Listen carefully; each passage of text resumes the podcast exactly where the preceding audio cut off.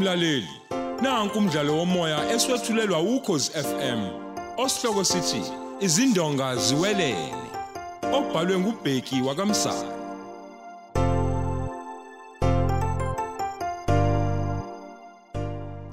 Lesi yeseshumi nesithupha.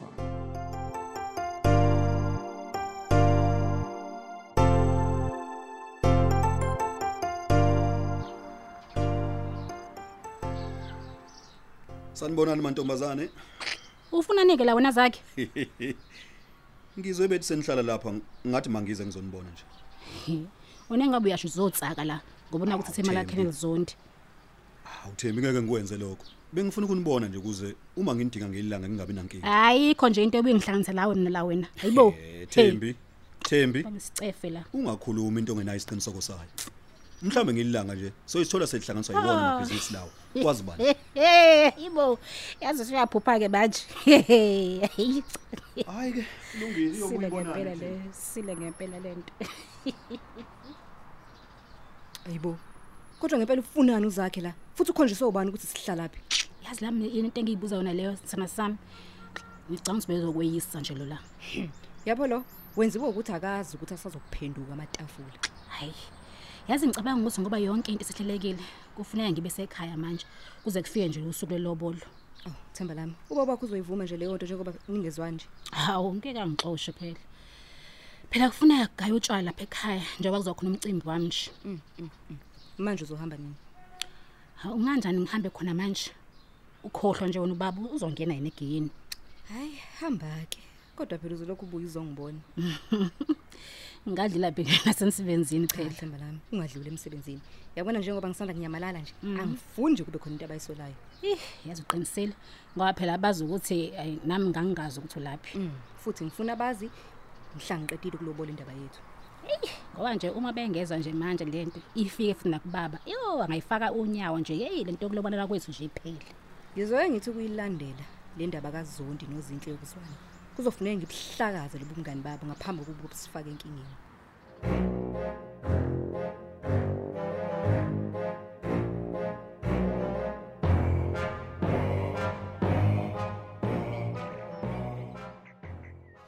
Ewu kahleke we zinhle lapha. Kunganjani uyokomtshela nje ubaba wakho omncane ukuthi sesiyathandana?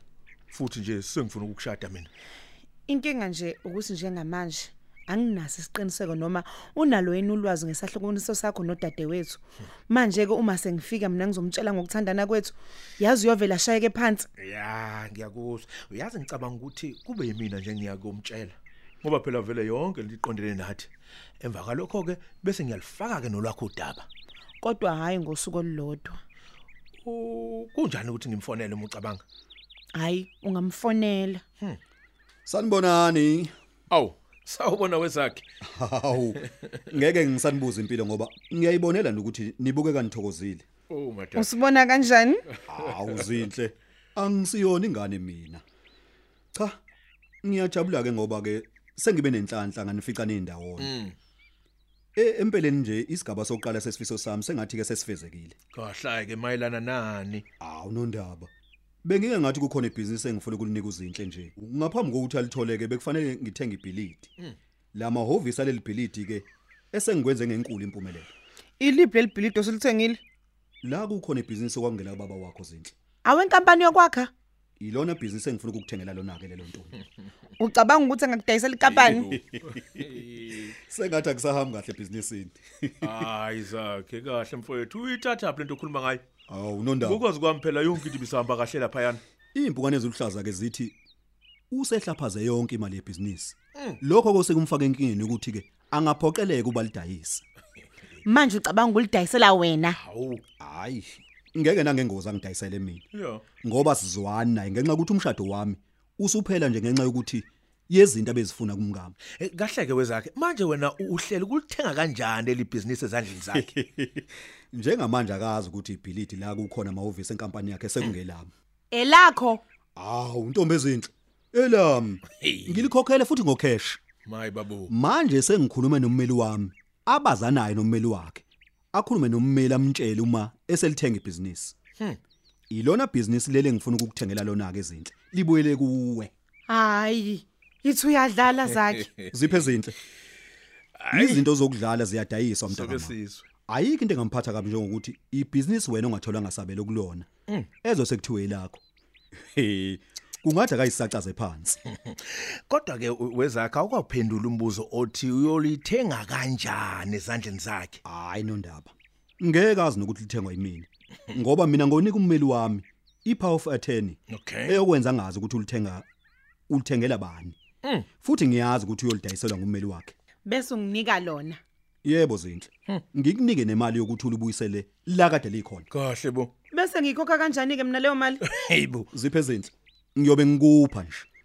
Uyazi ukuthi la ukhuluma ngezigidi. Mina bengilinda ukunibona senisondelene nozondi awu cha mfowethu kuyangijabulisa lokho. Kodwa ke awungitshele yini le akwenza yona umkami ngempela?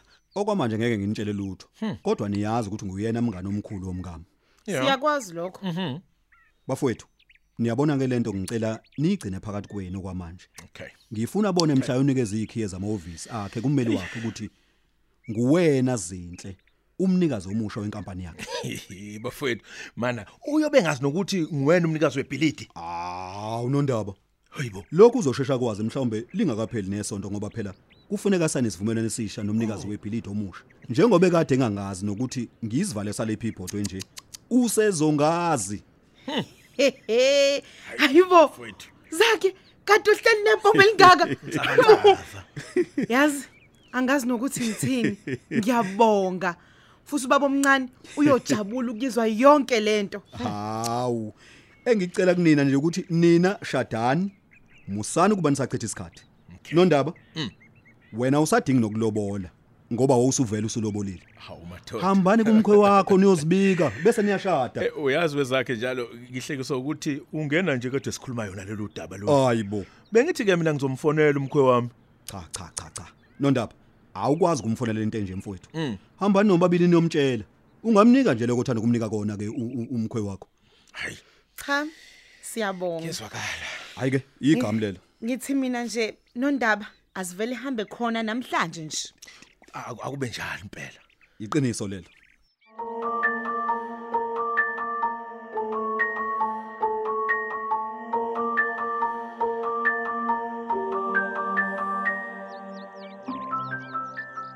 Yeyinini lolu mbimbi lwena ngeke nisize ngalutho. Licabanga ukuthi nizokwenza nini? Wekenel akwenziwa ke lokho ntombi. Uma ufica abantu ucabanga ukuthi bahlangene ngawo uqale nini-ke wena ukuze la ngoba ubungakwazi la. I- i- iphutha lakho ke ilelo ke lokuthi ungithathe kancane ucabanga ukuthi angazi lutho. Yini yaziwe wena? Wazini wena zakhe Hey. mhlawumbe ngelilanga njalo uyozibona usunami ususebenza nami ebhizinisini. Ey wena alikho ibhizinisi engizolenza nawe mina. Hayi, silime hayi, sifana hayi, nawe. hayi, hayi, kahle busi. thula-ke Hawu. wena wena azondithula usayele naka amaphepha habi. apha wami. Ngihlangana phi mina namaphepha akhe divorce? Phela umngane wakho. Hamba kuyena phela uhlukane namphansi. Hawu. awuzwe nje. Ukhamseleni wena zondi la ngabe uyasayina. Yey yey yey yey. Ungalinge nje ukhulume kanjalo nondaba. Hey! la lapha ke udadewethu mhlawumbe bakuxoxeli uyabona mina nonondaba? Sifase likasofa silahlane. Oh yileyo nto lethu zakhe la. Ngiyaqala nokuyizwa ke leyo nto mina. Cha ngiyanibongela nondaba nawe zinhle. Awu. futhi mina ke ngibona nifanelene nje. Kenele zondi wena ke ngizofika ngizokubona ekhaya. Ngomnye umcimbi kodwa ke ngicabanga ukuthi ufuna thina sobabili. Ayi musuke ungihlanyela wena ayikho into yobuyihlanganise mina nawe zakhe waziwadelela yini nini? nabukana la. Wemntaka baba kwenzeka njalo ke abantu ababili uma ayi bethandana awusayine wena silima sendoda.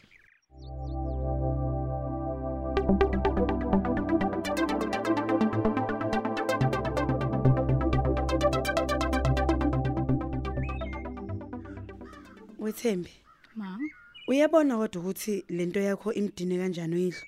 hawu ingakho nje ngivele ngafika nje avule wayokulala nje Nawe uyazi ukuthi ubaba wakho bemkhonze kanjani uzakhe. hawu phela kuthiwa kungapheli kuyahlola mama Kodwa lokho a- akufune kwenzeke emshadweni impela. Uzothini uma niphinda nixabana nalomkhonyana wakho omusha? Ngelinye nje ilanga. hayi no angiboni kanjalo ma Inkinga yenu ngempela yini nina? Ngisekuthiwa nobusi ngapha udivorce uzondi. hayi ke ngeke ngikwazi ukumkhulumela yena bandla Hayi. Kodwa ngiyasola mntanami ngeke. Sengathi kukhona ukududana la kunina. Hayi ngeke sachitha isikhathi maso esikhuluma lesikhuluma lento lena yazi. Eh manje nje masikhulume ngokuthi kulotshelwa kanjani. Lokho sekwenzekile angeke sakulungisa. hayi waze wajaha Mm. uthe uyihlo akeve phoxekileke umahlobo Hayi ma awungiye ngalelo xokana bakithi. Yini usenzeni Hayibo loyo nje bengasangeni nje kwami umeze kumfo wabo. thembi kusho ukuthi besikhona ke isizathu Hayibo asikho izizathu ngaphandle kokuthi nje umthetho wakhe nje lo uyaqina too much. awusho ke manje ummemile umngani wakho kulomcimbi wakho Umngani wami mama umphiyana.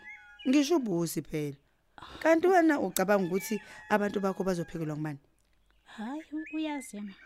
okusho ukuthi uzofika Ngicabanga njalo ma. Hawu.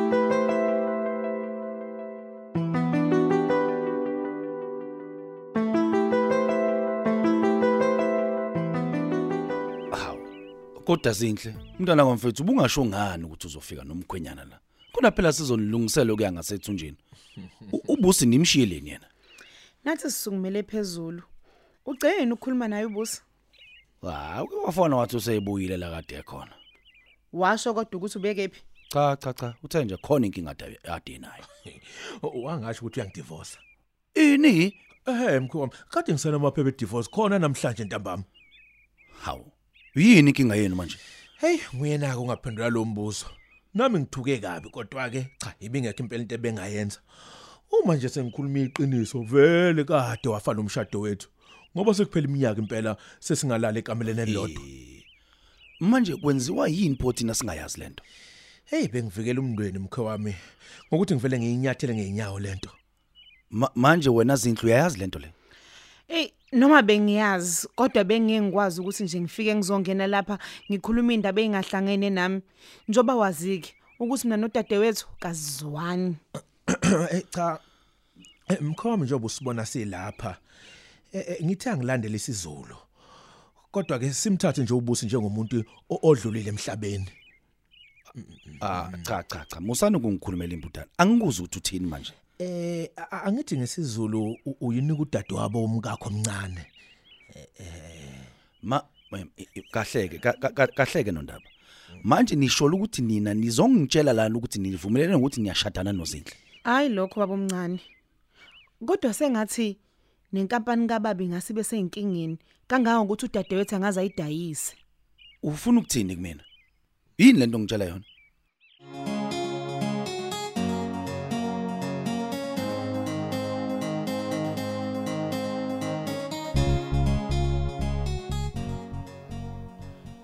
Manje awushoke. Yini eyenza ungawatsheli amaphoyisa ngalento ngitshela yona namhlazana ekushona umfowethu zinhle? baba okokuqala nje icala labe liphethwe ubusi ubusi lo engingazwani naye okwesibili mina ngangicabanga ukuthi kuzoqala udabeni lokushona kama lo okuthiwa wazibulala Vele uma wakho wadla ushevu. Angithi angikholwa mina leyo nto akawudlanga noshevu wakho. ukuthi watholakala ibhodlela likashevu noshevu phakathi emzimbeni wakhe lokho akusho ukuthi wazidlela yena ushevu Pho manje kusho ukuthini? angithi uyakhumbula ukuthi ubusi watshela ubaba ukuthi uma ufa nje usemtshelile ukuthi mina kangizalwa ubaba Ngikwazi kahle lokho ingakho phela umfowethu wazi wakhipha efeni lakhe wena. Imina nje ngathi akakwenzela isibonelelo nje ukuthi akunikeze noma indlu. Bengingakwazi ke lokho babomncane kodwa kuphelanga isikhathi wadutshula ubaba. Futhi ngase ngimkhombisile ukuthi kwakungamanga ukuthi akangizali. O- Okusempeleni uyabi nalento ishoyo wena. ngiyamsola ubusi ukuthi waba nesandla. E- Ekufeni kamfowethu? Bobabili. Uyazi ukuthini? Ungayikhuluma into ezokufaka enkingeni ongenayo inhlobo ubufakazi bayo. ungeke ke wabuthola futhi nobufakazi. Uma uzokwazi ukulandelisa izigameko ngaphambi kwanoma noma ngemuva kwesihlakalo sakhona. Ayo wena mkhwenyana wawusuthula kangaka nje. hey kodwa kufanele ngithini mkhwe wami? Nami nje ungitshelile uzinhle yonke lento futhi ngeke nje ngimphikise ngaphambi ukuthi kuphenywe lokho akushoyo. Wena uthini ngalokho pho? hey phela mkhwe wami uma kwenzeka izehlo enjena amaphoyisa ayebheka izathu. Lokhu kabathi ngesilungu motive uma lento ayisho ngempela kuyiqiniso kungabheka kokwenzeka ngenxa yokushona kwabo. Mhlawumbe ngingakusho njengamanje ukuthi nje amaphoyisa sekafika athi kukhona okunuka santungwana kukhona okulandelekayo. Manje athenzani ngaloko wena? Athi sazobuya phela siphinde sixoxe kodwa ngi- athe nje ungithi halamuzi ngezwe nokuthi kukhona abakutholayo ngosuku babafa ngalo. Hawu amanadana ayifikela nje engamenyiwe umuntu. Yebo baba kunjalo. Kodwa sengathi ngesikhathi ubuse salahlekile amaphoyisa akwazile ukubheka indaba zamafa. Efuna ukubheka phela ukuthi mina noZondi kukhona yini esingakuhlomula ngoba uma mina noZondi sihlomula phela kwakuyoba yilona futhe lokuthi mina naye sifuna ukumbulala.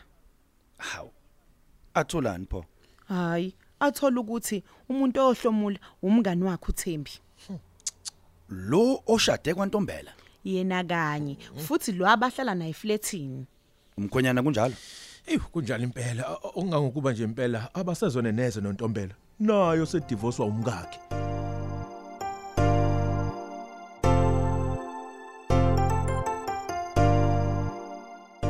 Siubeka lapho umdlalo wethu womoya eswetshulelwa ukhozi FM. Osihloko sithi izindonga ziwelele.